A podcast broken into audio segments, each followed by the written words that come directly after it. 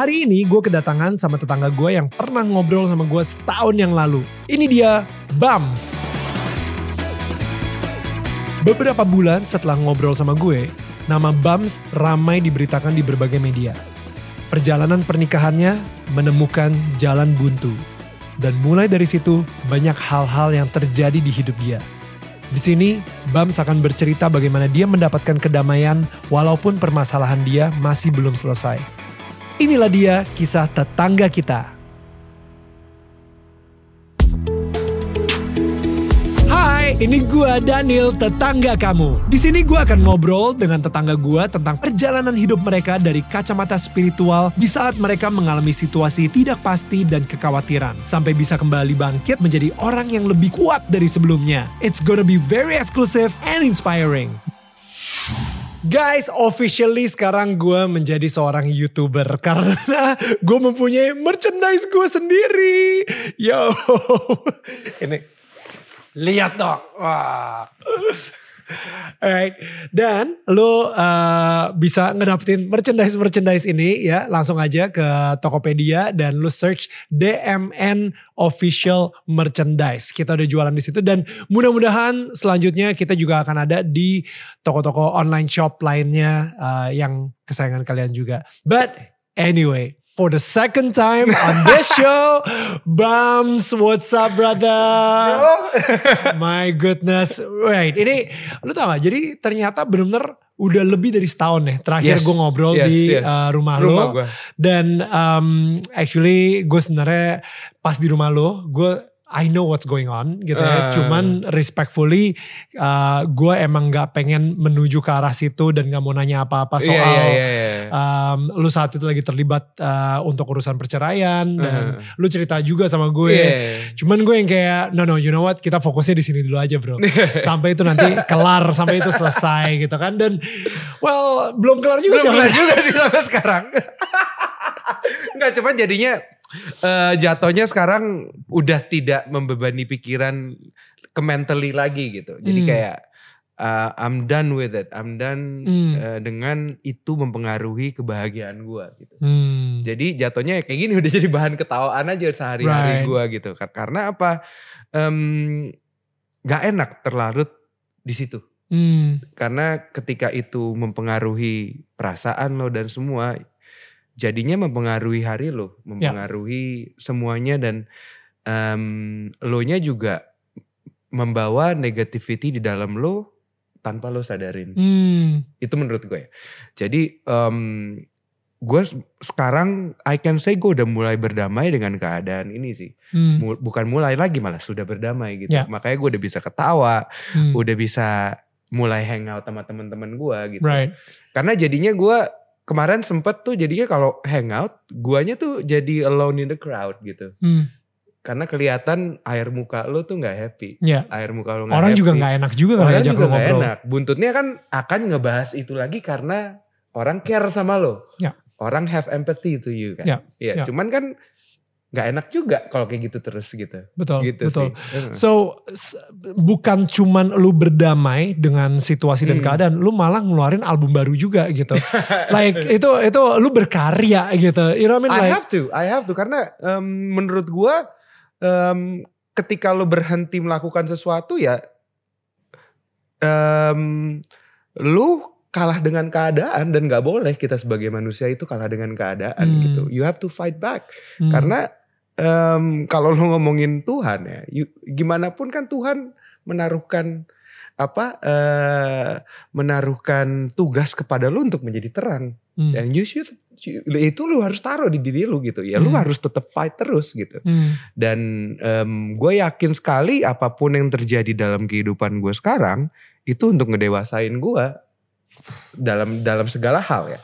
Gitu kalau menurut gue kalau Hmm. menurut gue gitu. Jadi em, ya basically sekarang gue sih happy banget deh Oke.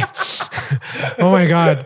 Like nggak se seasem terakhir waktu itu kan interview lu kita. ketemu gue you can tell lah Ya ya. you can tell em, dari muka gue Hmm, dari apa namanya dari ekspresi gua Ya, dan ya. juga dari yang terpancar dari gua I'm not okay Ya.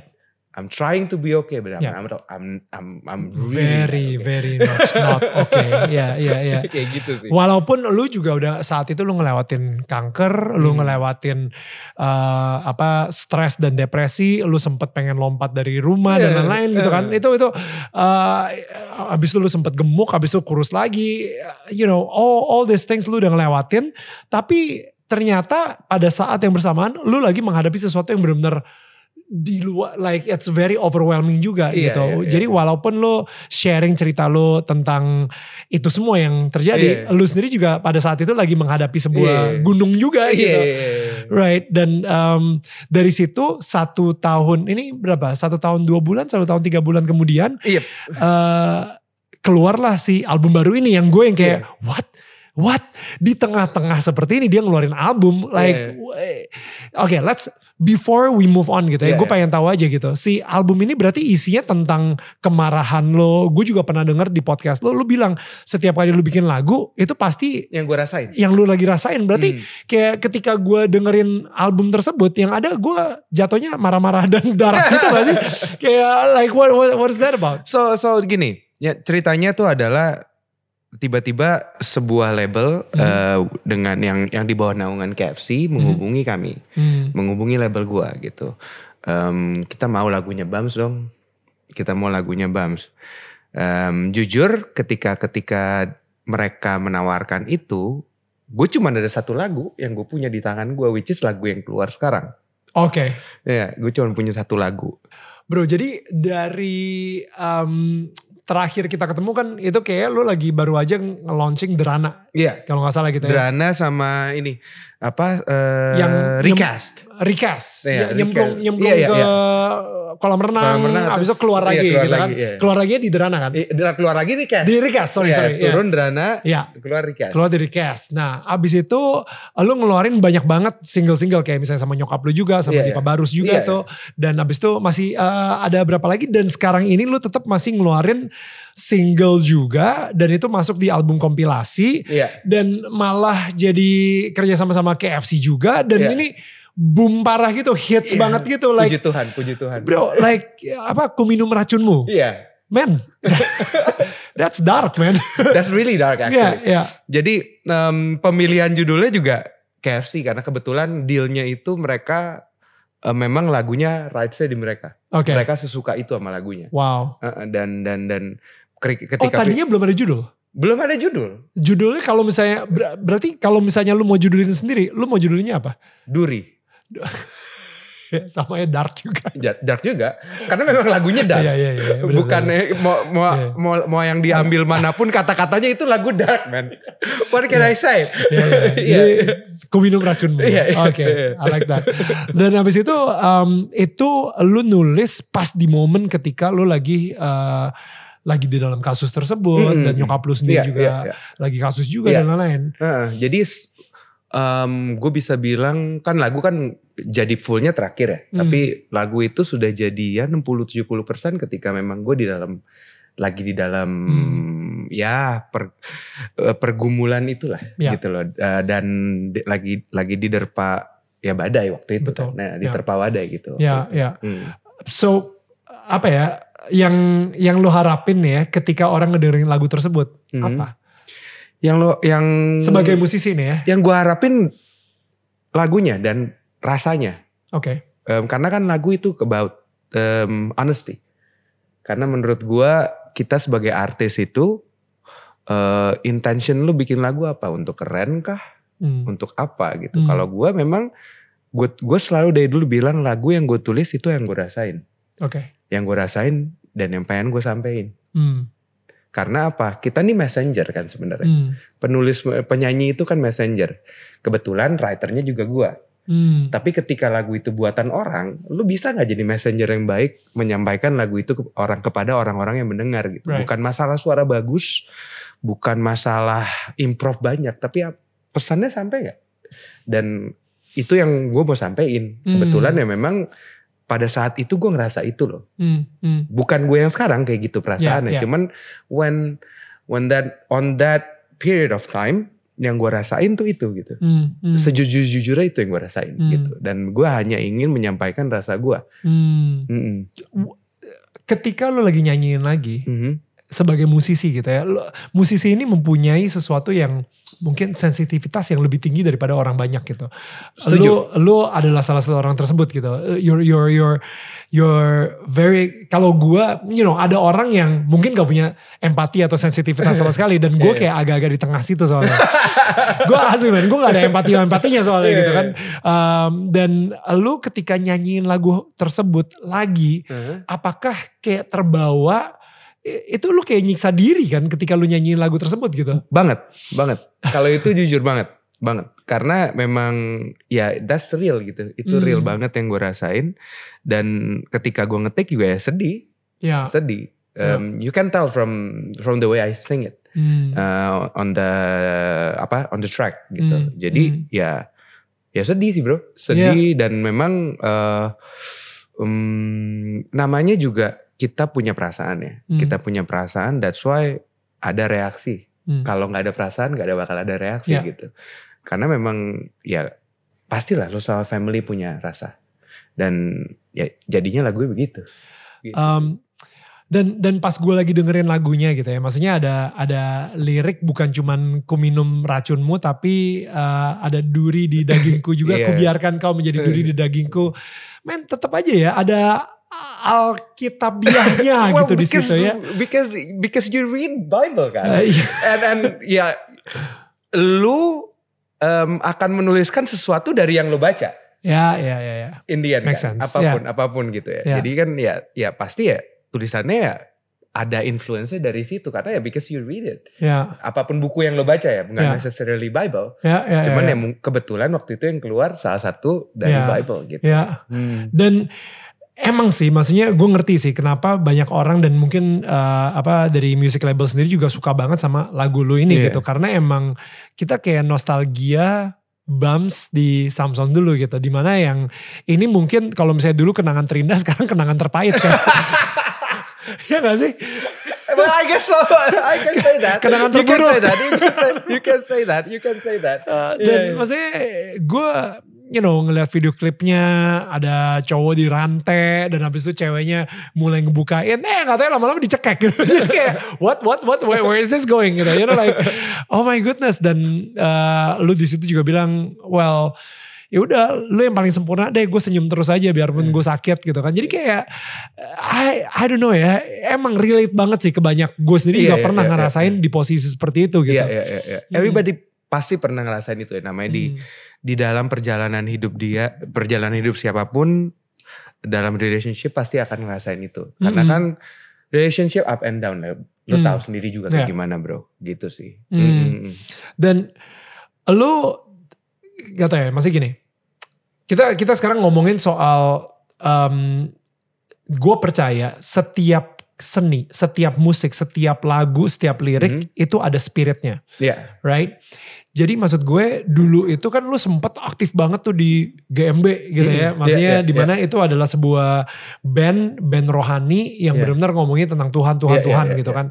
Dan sekarang ini menyanyikan satu lagu yang penuh dengan kepahitan, penuh dengan Hmm. kehancuran Iya. di hidup lo, dengan perasaan lo, lu curhatin juga. Eh, ada kekhawatiran gak sih impactnya? Contoh ya kayak GMB, kayaknya kalau misalnya orang dengerin pasti dia bakal uplift Iya, iya, iya. eh, dengan em, Hmm. ketika dia lagi eh, capek atau jenuh dengan hidup, dia dengerin Hmm. GMB, dia bakal Iya, iya, wow iya, gitu iya, kan. iya, iya. Tapi kalau misalnya ini kan kayak hidup kayaknya udah berat, malah makin berat gitu Iya, iya, kayaknya. iya, iya. What do you think about that? Well kalau gua, gua lebih kepada em, ini gue menunjukkan sisi gua adalah manusia. Oke. Karena eh, sebuah karya itu harus jujur, balik Mhm. lagi. Dan gue menuliskan sesuatu yang gue rasain selalu. Hmm. Dan di sini gue pengen banget semua orang tahu bahwa ya memang gue manusia. I have Hmm. feelings. What I'm what I'm saying is real. Hmm. Yang gue kat, yang kalau gue happy ya gue tulis happy. Kalau gue Ya. sedih gue tulis sedih. Dan itu yang gue pengen tetap menjadi orang yang itu karena kalau gue berubah, gue nulis happy juga nggak nggak relate gue nyanyiinnya juga pada Hmm. pa- pada saat itu ya. Hmm. Kebetulan sekarang ya gue udah um, gue udah berdamai dengan dengan keadaan sekali gitu. Iya, iya. Cuman pada saat itu ya memang ya gimana pun lu mesti banyak hal yang tidak gue tulis karena lebih parah lagi daripada itu justru malah bro.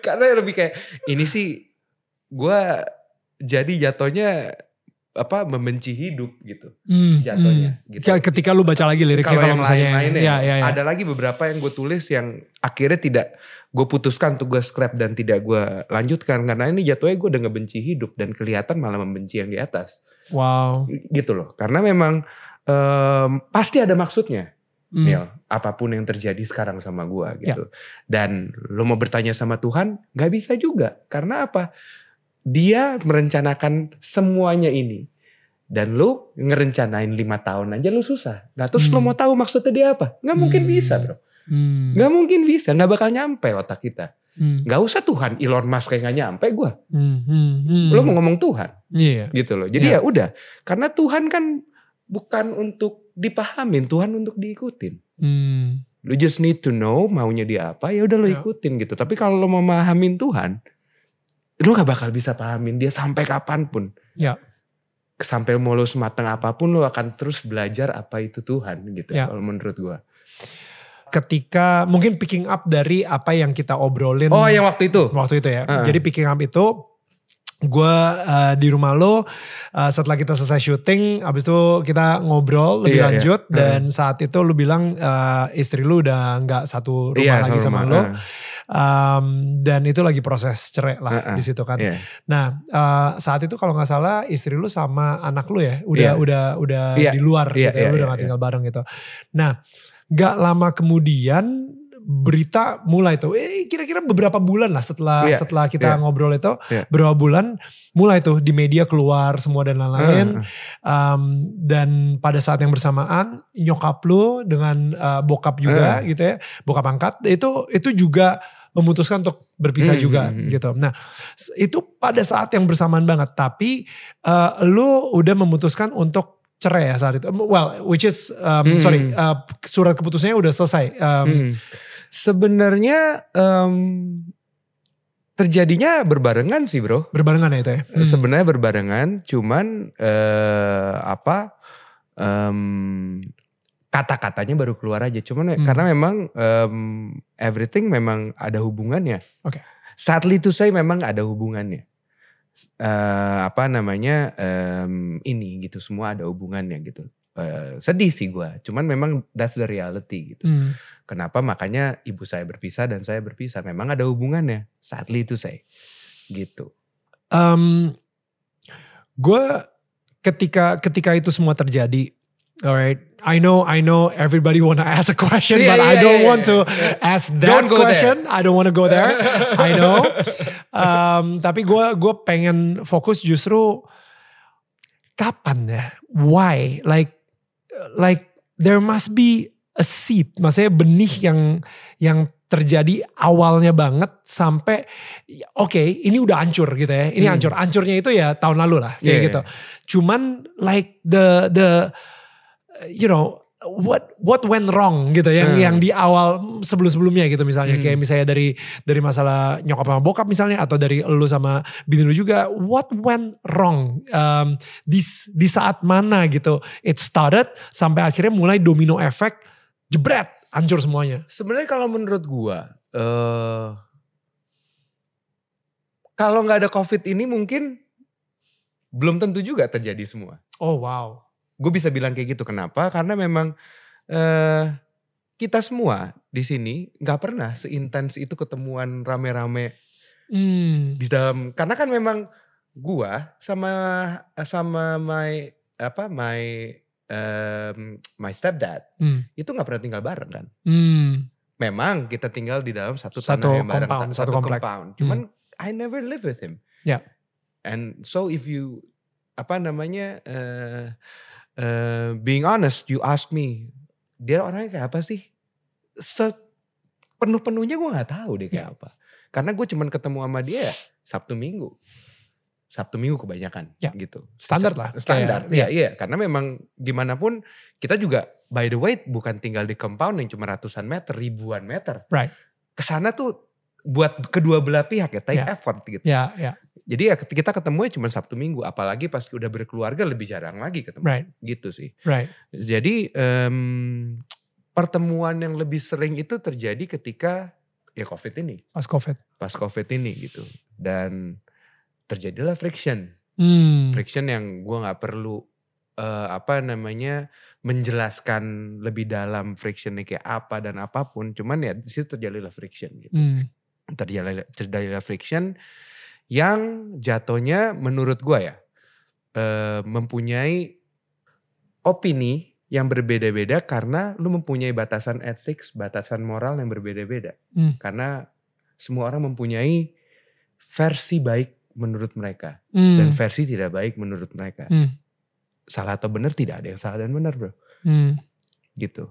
Jadi em, jatuhnya karena terjadi friction ini semuanya ya mempunyai apa ya pendapat masing-masing yang tidak bisa disatukan pecahlah di situ gitu. Ya. Dan menurut versi kami udah pasti Hmm. mereka ada yang mereka lakukan melewati batas Hmm. menurut versi kami Hmm. batas etika dan um, morality dari kita Ya. as a human pastinya dari mereka juga ada yang tidak kalau di justify nggak akan ada habisnya bro Ya. nggak akan ada habisnya kalau menurut gua gitu jadi hmm, ya udahlah pecah di situ um, ke blow up semua di situ Hmm. segalanya dan mau dibenerin udah mele, udah melewat kalau dari guanya ada sesuatu yang terjadi yang melewati batas yang membuat gue ya udah value-nya gue sama lo tuh beda dalam Hmm. kehidupan gitu dan gue nggak bisa terima itu gitu Hmm. gue nggak bisa terima itu eh, dan ya udah gue putusin ya lebih baik kita put- ya udah bisa baik-baik Hmm. karena memang value-nya tuh bener-bener berbeda karena kejadian itu gitu Ya, ya. Eh, dan dan dan dan gua lebih baik tidak membicarakan. Hmm. Kenapa? Karena ada pihak-pihak lain juga yang tersangkut di sini, gitu. Pihak-pihak lain dalam arti ada mertua gua, Hmm. ada kakak adiknya, ada Hmm. eh, apa namanya keluarganya mantan bini gua, ada Ya. anak gua Ya, yang ya. terpenting. Ya. Dan jadinya udahlah, Em, lebih baik ya udah sampai di situ aja Hmm. gitu. Karena kalau di saat kalau diterusin lebih hancur lagi. Hmm. Karena gue udah men- men-start dengan perasaan yang jadi enam karena karena value ini gitu. Ya. Dan apa namanya eh, gimana pun kenapa gue bilang di situ juga gue harus diam karena gimana pun jatuhnya ya udah kita cowok kita harus ngalah bro. Masa lo mau gimana gimana ke cewek sih? Gimana sih? Dia juga gimana pun kan dia ibu dari anak lo ya udah.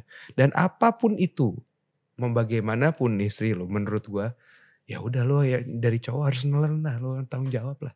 Hmm. Ya udah you you just eat it gitu. Hmm. Ya udah. Kalau gua Ya, kalau lu ya, Ah. maksudnya kalau kalau gue mungkin eh, cara gue bereaksi berbeda gitu Hmm, ya. hmm. Maksudnya kadang-kadang tuh kultur kita eh, me- menggambarkan laki-laki itu harus seperti ini gitu. Padahal menurut gue belum tentu itu secara biblikal bener. iya Um, jadi ada satu contoh yang menurut gue menarik banget. Baru aja gue ngobrol sama temen gue. Hmm. Eh, well, actually, um, gue gue sahabatan sama temen gue. Habis itu gue bilang gini ya, lu tau gak sahabatan di Injil kayak misalnya uh, Daud sama Jonathan gitu ya. Eh, eh. Itu itu menarik banget. Kita malah mikirnya, ih ini mereka berdua beneran cowok sama cowok sahabatannya seperti ini atau kok kayak kelewat batas ya? Kok Iya. kayak agak-agak mereka malah agak gay ya kayak gitu. Eh, you know, dari lu lu baca aja nanti kalau misalnya di Iya, Injil iya. gitu ya kayak hubungannya gue gak pernah baca soal. Iya, hu- kayak si Jonathan cinta banget sama Daud dan dia em, sangat mendukung Daud sebagai raja gitu. Iya. Padahal si Jonathan sendiri juga anaknya raja, anaknya Iya, Saul gitu. Iya. Itu dan sampai ada satu satu momen di mana mereka tuker-tukeran baju baju perangnya atau apa atau pedang atau apa kayak Hmm. gitu dan itu kayak oh my goodness pas begitu mereka em, kayak Daudnya harus kabur dari Raja Saul dibilang gitu kayak eh, dan mereka berdua akhirnya saling mencium untuk say goodbye Hmm. gitu itu kan kayak oh my god Hmm. laki-laki di zaman Injil kok kayak gini banget gitu kan. Em, maksudnya di zaman Yesus pun juga Hmm. ketika lagi Last Supper uh, perjamuan terakhir gitu. Itu katanya ada the the disciple whom Jesus love Uh-huh. itu taruh his head to his bosom. Uh, You know what I mean? Like itu bro ada gitu kan. Jadi kayak hah you know apakah aja gitu kan.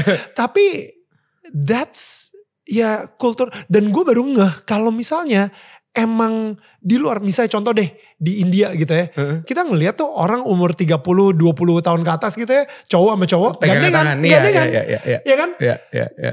Lu di sini cowok gandengan. Lucu kan? Lucu lu ya. Lucu. gitu.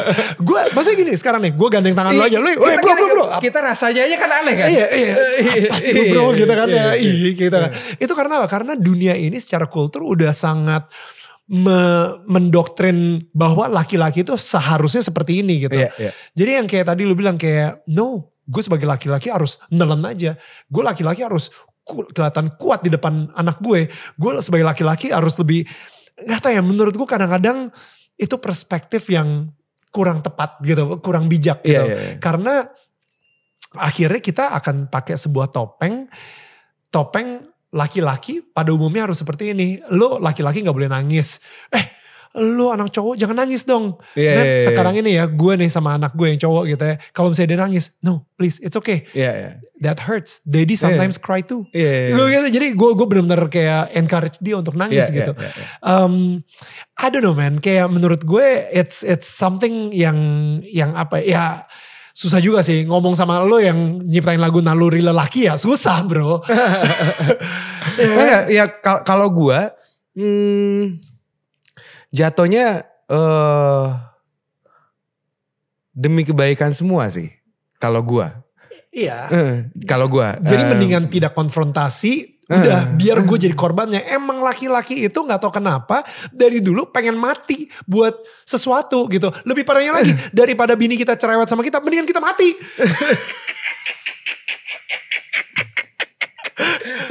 Dan gue kemarin, baru kemarin gue ngomong sama temen gue.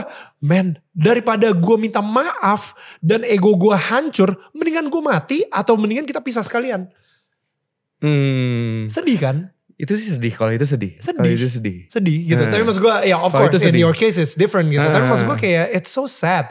Di mana kita untuk minta maaf sama seorang, sama istri kita gara-gara, eh, padahal kita tahu gitu kadang-kadang ya. Gue tahu gue yang bener, istri gue yang salah. Eh, gue nggak akan minta maaf sama dia. Men, tapi ini untuk kebaikan pernikahan lo, untuk gini segala. Nope, nope, nope, nope, nope. Dia yang salah. Pokoknya gue akan ngebayangin dia datang ke gue untuk uh, minta maaf sih. dan lain-lain. Mendingan kita cerai aja daripada gue yang harus minta maaf sama dia. And stuff like that, it's sad. Kalau gitu. itu you know, sad. Because it's uh, dia mempertahankan ego sama pride. Dan Kalau you itu know what, sedih. ketika ketika itu terjadi, ya emang pernikahannya ya. Kalau itu gak bakal bisa. Ya, ini. udah susah Because gitu bro. kalau menurut gua, eh lu sebagai laki-laki juga harus bisa minta maaf. Kalau gue sih berkali-kali minta maaf. Hmm, Kalau gue berkali-kali minta maaf dan berkali-kali trying to work it out. right. Hmm, but in the end sayangnya nggak bisa. I try. Ya, ya. Cuman saya nggak Dan bisa. maksudnya ada momen Iya, yang iya, mungkin iya, gak bisa iya, kita omongin di Iya, sini iya, yang iya, iya. Iya. Um, dan dan dan apa namanya? You have to try to uh, solve it gitu. Hmm. Um, dengan dengan ya menaruh pride lu bener-bener di bawah. Karena gue selalu ngomong ketika lagi memang lagi panas-panasnya, gue ngomong ke semuanya. Saya di luar kayak gimana? Tapi masuk ke rumah saya bapaknya Eleanor. Hmm. Saya yang diinjek-injek sama Eleanor, dicubit-cubit Hmm. sama Eleanor, dicoret-coretin sama Eleanor. Saya bukan siapa-siapa. Hmm. Tapi jangan sampai lu bawa status lu masuk ke rumah juga. Hmm. Karena di rumah we are nothing. Kita suami istri dan Hmm. punya anak. Hmm. Status tuh gak ada harganya Mika di jadi ibunya Eleanor juga Yes, gitu. Hmm. gitu. Jadi di rumah udah nggak usah ngomongin lu di luar kayak gimana. nggak perlu tahu di luar kayak Hmm. gimana. Karena di rumah ya di rumah is a family gitu. Hmm. Hmm. I'm nobody. I'm just a father Hmm. di dalam rumah. Hmm. Di luar rumah maybe you are someone Hmm. gitu. Gitu sih. Hmm. Oke, like sekarang ini Eleanor sendiri gimana bro? Setelah ngeliat papa mamanya udah gak tinggal bareng lagi. Kalau gue sih em, eh, yang bikin gue rada kadang-kadang ketouch ya, karena memang dia adalah orang yang em, menurut gue buat umurnya terlalu cepat dewasa dan bijak. Hmm. Jadi dia ke gue berusaha jaga perasaan gue dan ke Hmm. istri gue berusaha ke mantan istri gue berusaha jagain Oh, wow. perasaannya mantan istri Ya. gue. Jadi jatuhnya gue tuh, aduh gimana ini anak gue ya, gimana nih ya? Hmm. Karena memang dia memang berusaha em, menjadi penengah antara dua-duanya gitu, protek kanan kiri gitu. Jadi ke Hmm. gue juga baik banget, ke bini Hmm. gue juga baik banget, dan jadinya em, kadang-kadang menyetop satu cerita karena takut Hmm. kenapa gitu. Ya, sensitif. Jadi semuanya serba Eh, eh, sensitif. eh, eh, eh, eh, eh, gitu Ha- sih. Have you ever had like that deep talk with Huh? Eleanor? Gue ngomong, gue ngomong, gue with ngomong. What gua happened? Iya, dan- gue ngomong, gue gua, gua ngomong dengan sangat em, simpelnya. Gue ngomong, whatever happens, I love you so much and mommy love you so much. Hmm. Whatever happen, we are here, and you are our number one. You are our sunshine. Hmm. So don't worry. Just apa? Tell me what you wanna do. Tell me what you're feeling and everything. I'm Ya. here. Gitu. Karena kan yang paling kita takutin adalah ketika dia mendem kan. Itu nggak boleh. Betul. Dia mendem dan dia berubah apa terbentuk karakter Ya. yang tidak semestinya terbentuk di dia karena apa apa karena kejadian ini gitu. Ya. Dan itu yang benar-benar gue paling gak mau. That's why ketika gue ketemu sama anak gue setitik pun gue ngomongin apa yang terjadi dan apa pun. Ya Hmm. udah gue ngomong datang ketemu dia hihi kalau dia Hmm. ada tanya apa gitu dan gue hanya bilang gue gue sayang sama lu kita gak barengan aja gitu Hmm. papa mama sebatas itu aja Hmm. yang lain-lainnya gue sama anak gue ya tidak tidak pernah berusaha menjustify Hmm. What I am, menjustify gue bener atau salah atau apa karena menurut gue itu salah. Ya.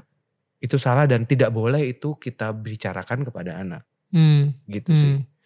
Gue gue pernah ngelakuin kesalahan ke istri gue, ke Viola gitu ya, dan dan um,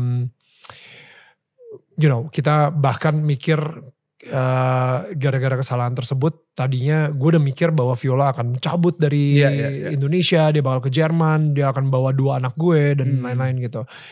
Nah, abis itu sekarang nih kita bersyukur banget kita udah melewati dan uh, udah ada rekonsiliasi, udah Hmm. minta maaf Iya, dan iya, iya, lain-lain iya. dan lain-lain. Uh, our marriage has never been so strong, Iya, you know, iya, today, iya. gitu ya. Nah, dan sekarang ini gue suka banget kayak ngasih tahu ke orang lah. Udah Heeh. kayak motivator banget gitu, bahwa ada harapan dalam pernikahan.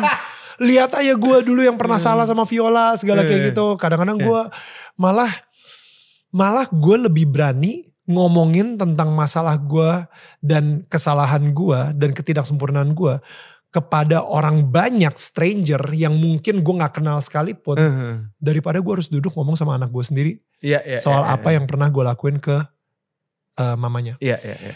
Bro, it's so tough. Iya, You know, Iya. Eh, for some reason ya. Maksudnya kita karena mungkin udah kebiasa di depan kamera dan lain-lain, kita nggak nganggap ada orang di belakang kamera yang lagi nonton gitu. Iya, you know, iya, like iya. cuman ketika lu duduk ngeliat anak lo dan ngaku kalau misalnya bokapnya itu udah tidak sempurna lagi, Heeh. itu itu it's it's it's tough sih gitu. Tough banget, tough banget. tough banget. So you so wait so you had one of those talk with uh, Eleanor kayak mulai sekarang udah, udah, udah, udah. Cuman, cuman sekali, nggak berkali-kali. and what what does she know? Maksudnya kenapa uh, the the reason kenapa pisahnya gitu? Hmm, Cause you know dia sendiri belum sampai situ. mu, karena begini mungkin dia udah tahu. Eh, belum sampai situ, Right? belum sampai situ. Iya, belum sampai situ dan gue juga nggak mau menjelaskan secara kayak gimana juga. Gue takut hurt her feeling, which is menurut gue, gue sampai sekarang belum menemukan kata-kata yang yang paling benar untuk menjelaskan itu gitu. Ya ya. Kenapa ya? Karena memang gue sendiri pun mungkin juga lo kalau dihadapin dengan proses yang gue hadapin berdua ini. Gue juga gak bisa. Iya, kayak, kayak, kayak bingung Iya, men. iya, gue sekarang juga bingung jelasinnya gimana ya Ya. berhubungan dua-duanya dan Ya, ya, ya, ya. eh, eh, case-nya nyatu begini jadi Ya. kayak where do I start gitu. Ya. Cuman yang bisa gue lakukan adalah berusaha menjadi bapak yang baik ke dia sekarang dan menjelaskan yang gue bisa sekarang gitu. Ya. Dan sampai sekarang gue nyariin tiap hari, Hmm. gue tetap pergi sama dia kayak Hmm. gimana pun gue mau dia kayak gimana pun kadang-kadang malah dia kesel karena gue kebanyakan nyariin dia buntutnya Iya. dia lagi papa I'm watching oke oke sayang oke gitu Hmm. jadi but we have to do that Ya. kenapa ya karena memang you just need to make sure that you- your daughter or your son know that you're there Hmm. Hmm. whatever happens you're there itu kan Hmm. sebenarnya poinnya gue nggak gue bukan mau mau mengadres poin gue bener atau salah gue baik atau enggak gue cuman mau ngedress gue di sini loh Hmm. apa pun itu lu mau kayak gimana pun gue di sini gue bapak lo Dan gue sekarang pengen nyambungin sama masa kecil lo juga. Hmm. Di mana ketika uh, di well di podcast kita yang sebelumnya ketika Hmm. kita ngobrol, Hmm. lu bilang bahwa bokap lu ninggalin lo ya, Hmm. dan uh, tinggal nyokap lo sama lu dan uh, nenek ribu ya. Iya. Um, at that moment nyokap lu pernah nggak omongin hal you know yang deep, yang benar-benar right, sama sama pernah right. Hmm. How did that make you feel? Because Um, at the same time, you know more. But lu tahu lebih banyak, tapi nyokap lu mungkin mikir, ah gue gak pakai nyakitin hatinya Bamsah. hmm. Padahal lu sebenarnya udah tahu semuanya. Iya. You, you know what I mean? This is Iya. like history repeating itself Iya, gitu bro. Iya, iya. Kalau gue, well, waktu itu ya udah, gue santai aja sih. Iya kan? Iya, eh, lu santai aja. Lu, lu, lu punya punya, ya udah gue main basket aja. Gue Hmm. uh, nongkrong sama temen gue. Gue jadiin six pack atau apa. you know, what I mean? like, Iya, iya. at time gitu. Cuma pada saat yang bersamaan, you lu juga tahu gitu bahwa lu juga dewasanya lebih cepet juga malahan karena lu jadi tulang punggung keluarga, lu taruh beban lu uh, beban keluarga dari nyokap dan juga ribu juga di pundak lu juga. You have to be the provider of the family. Iya. You know what I mean? I don't know, like Eleanor itu mungkin gak bisa ngerasain hal yang sama dengan lu bisa aja dulu. bisa aja karena gini gua terjadi itu kan gua umur 6-7 tahun juga sama juga kayak Sama Eleanor kayak Eleanor. it's the Ya, same ya. it's actually the same Ya. it's actually the same jadi ya dengan eh, di kepalanya dia I can say mungkin dia bisa akan berlaku kayak gitu juga dia kayak mungkin sebenarnya dia udah tahu what's Hmm, going on. Dia iya, mungkin iya. jauh lebih smart daripada apa yang lu bayangin Iya. gitu kan. Kalau udah tahu udah tahu karena em, ada satu momen yang bikin gue bener-bener paling sedih ya. Jadi kayak apa namanya eh dia ngomong apa sambil bercanda gitu. Nah terus kayak maybe you can do this and oh, bla bla bla. Hmm. When you do this, mommy will be freak out and you you will get get back together again. Gue gua mau nangis man. Jadi kayak tapi Hmm. habis itu dia langsung aduh gue salah ngomong nih. Hmm. Dia ganti topik. Oh wow. That's how smart she is. Ya, Gitu. Jadi kayak eh, dia sensitif banget ya. Eh, eh. Hmm. Jadi mm, dia bener-bener yang gue rasain dia nggak mau nyakitin hatinya gue dan Hmm. nggak mau nyakitin hatinya ibunya dia gitu. Hmm. Jadi ngomongnya tuh dipikir dulu mau ngomong, dipikir dulu mau ngomong gitu. gue denger juga interview um, your mom Nah, di mana uh, nyokap lu sama Melanie Ricardo dia bilang gitu, well uh, tante nggak mau nyakitin hatinya Bams dan dan Bams juga nggak mau nyakitin hati tante. Jadi pada saat yang bersamaan kalian jadi akhirnya nggak mengkomunikasikan apa-apa dan bahkan kalau misalnya komunikasi malah takut kayak oh my god nanti kalau gue malah dan itu kan lu juga akhirnya bilang aduh kasihan nih nyokap gue udah umur segini gini, Iya. dan dia aduh anak gue kasihan banget Iya. jadi jadi kayak what you know there must be something yang harus di break banget gitu menurut menurut gue gitu Iya. secara generation eh ya nggak tahu ya ini ini ini gue lagi gue lagi I'm thinking as I'm Hmm. talking gitu huh. Heeh. Bener-bener kalau itu bener banget. Karena pada waktu awalnya gue nggak bisa, Nil. Tapi ketika kemarin gue bener-bener jatuh banget, nggak bisa nih, gue mesti ngomong.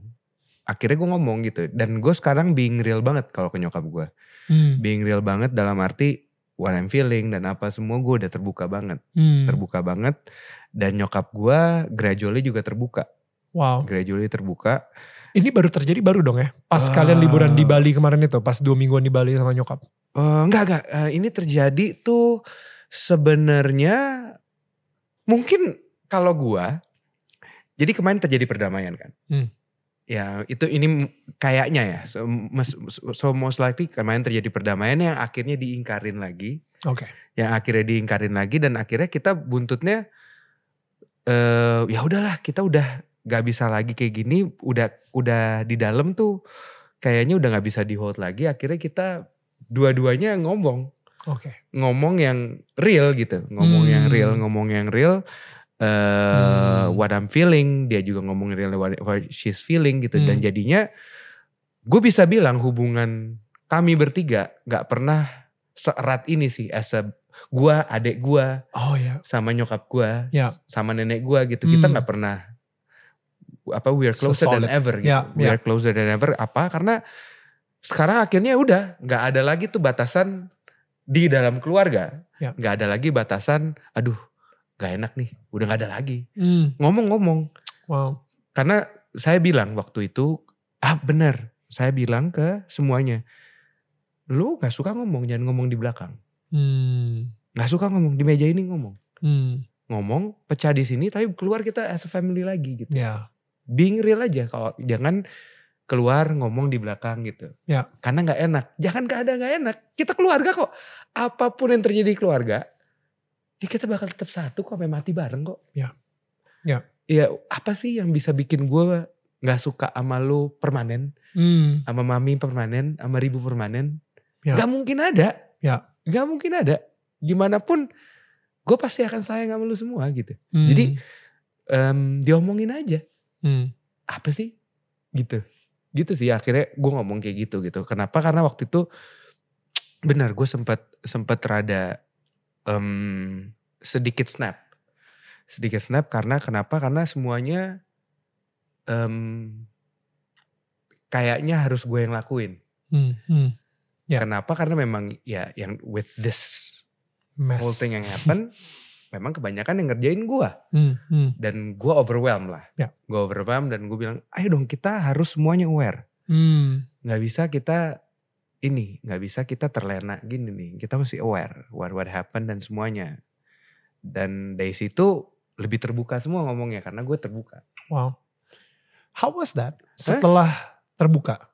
Maksudnya Uh, setelah terbuka ya lebih enak sih. Yang lu bilang kayak lebih solid lagi, hmm. lu nggak pernah ngerasain hubungannya jauh lebih dekat hmm. dan lain-lain. Padahal hmm. karena sebelumnya kan kayak, aduh nanti nggak enak lah, atau nanti uh, dia malah sakit, atau nanti dia sakit hati, yeah, atau yeah, yeah. you know, uh.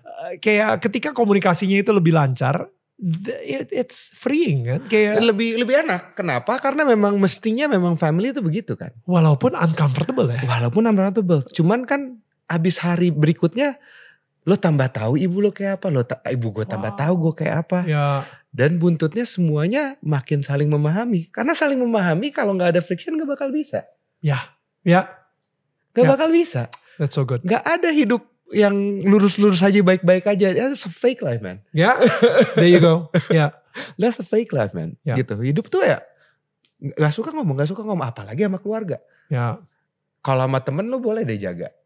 Karena dia balik lagi gak sedarah sama lu. Tapi kalau sama keluarga apa yang perlu dijaga? Ya. Apa yang perlu dijaga gitu. Karena sampai mati lu bakal bareng. Ya. Gitu sih. Ya. Dan itu sih gue maksudnya sekarang ini pengen encourage lu juga. Dan mungkin siapa pun yang lagi nonton juga gitu yang tadi obrolan kita ada yang kena banget di mana um, siapa tahu aja anak lo hmm? itu lebih tahu lebih jauh lebih banyak daripada apa yang lo yeah, pikir yeah, gitu yeah. kan. Jadi maksud gue um, that freedom yang lu dapetin, men gak tau ya ini kita berandai-andai gitu ya. Andai-andai kalau misalnya nyokap lu saat itu mengkomunikasikan ketika lu masih umur 6-7 tahun, uh -huh. dia juga mengkomunikasikan hal yang sama. Uh -huh. Seperti seterbuka ini yeah, sekarang yeah, gitu misalnya. Yeah. Atau uh, you know, lu gak harus nunggu sampai 40 tahun sampai akhirnya lu bisa sesolid ini sama nyokap uh, lu untuk saling memahami yeah, gitu. Yeah. Um, and I think maybe this is one thing yang kita bisa you know lakuin ke anak kita juga. At least we owe them that gitu you yeah. know like uh, we udah owe pasti, them the udah truth pasti, gitu udah pasti uh, walaupun lu gak perlu lakuin besok gitu maksud hmm. gue you know whenever the time is right aja gitu ya maksud gue I think um, uh, yang siapa pun yang lagi nonton juga kalau misalnya lu sebagai seorang ayah gitu yang enggak lah gue gue yang akan memendam ini semua gitu. Anak gue nggak perlu ngerasain ini dan lain-lain. Biar dia tahu siapa pahlawannya yaitu bokapnya yang, yang menyiksa diri demi gitu kan.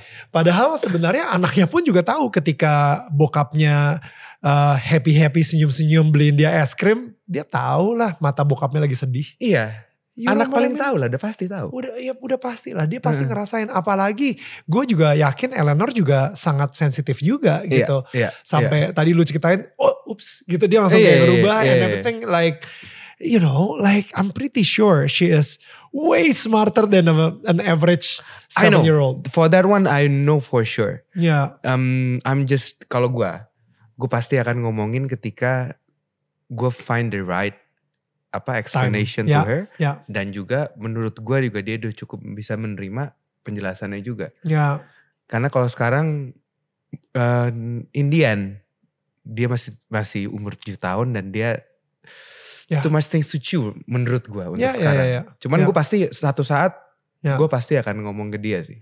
Tapi again, biarpun gue udah ngomong kayak gini, gue sih I'm preaching to myself by the way.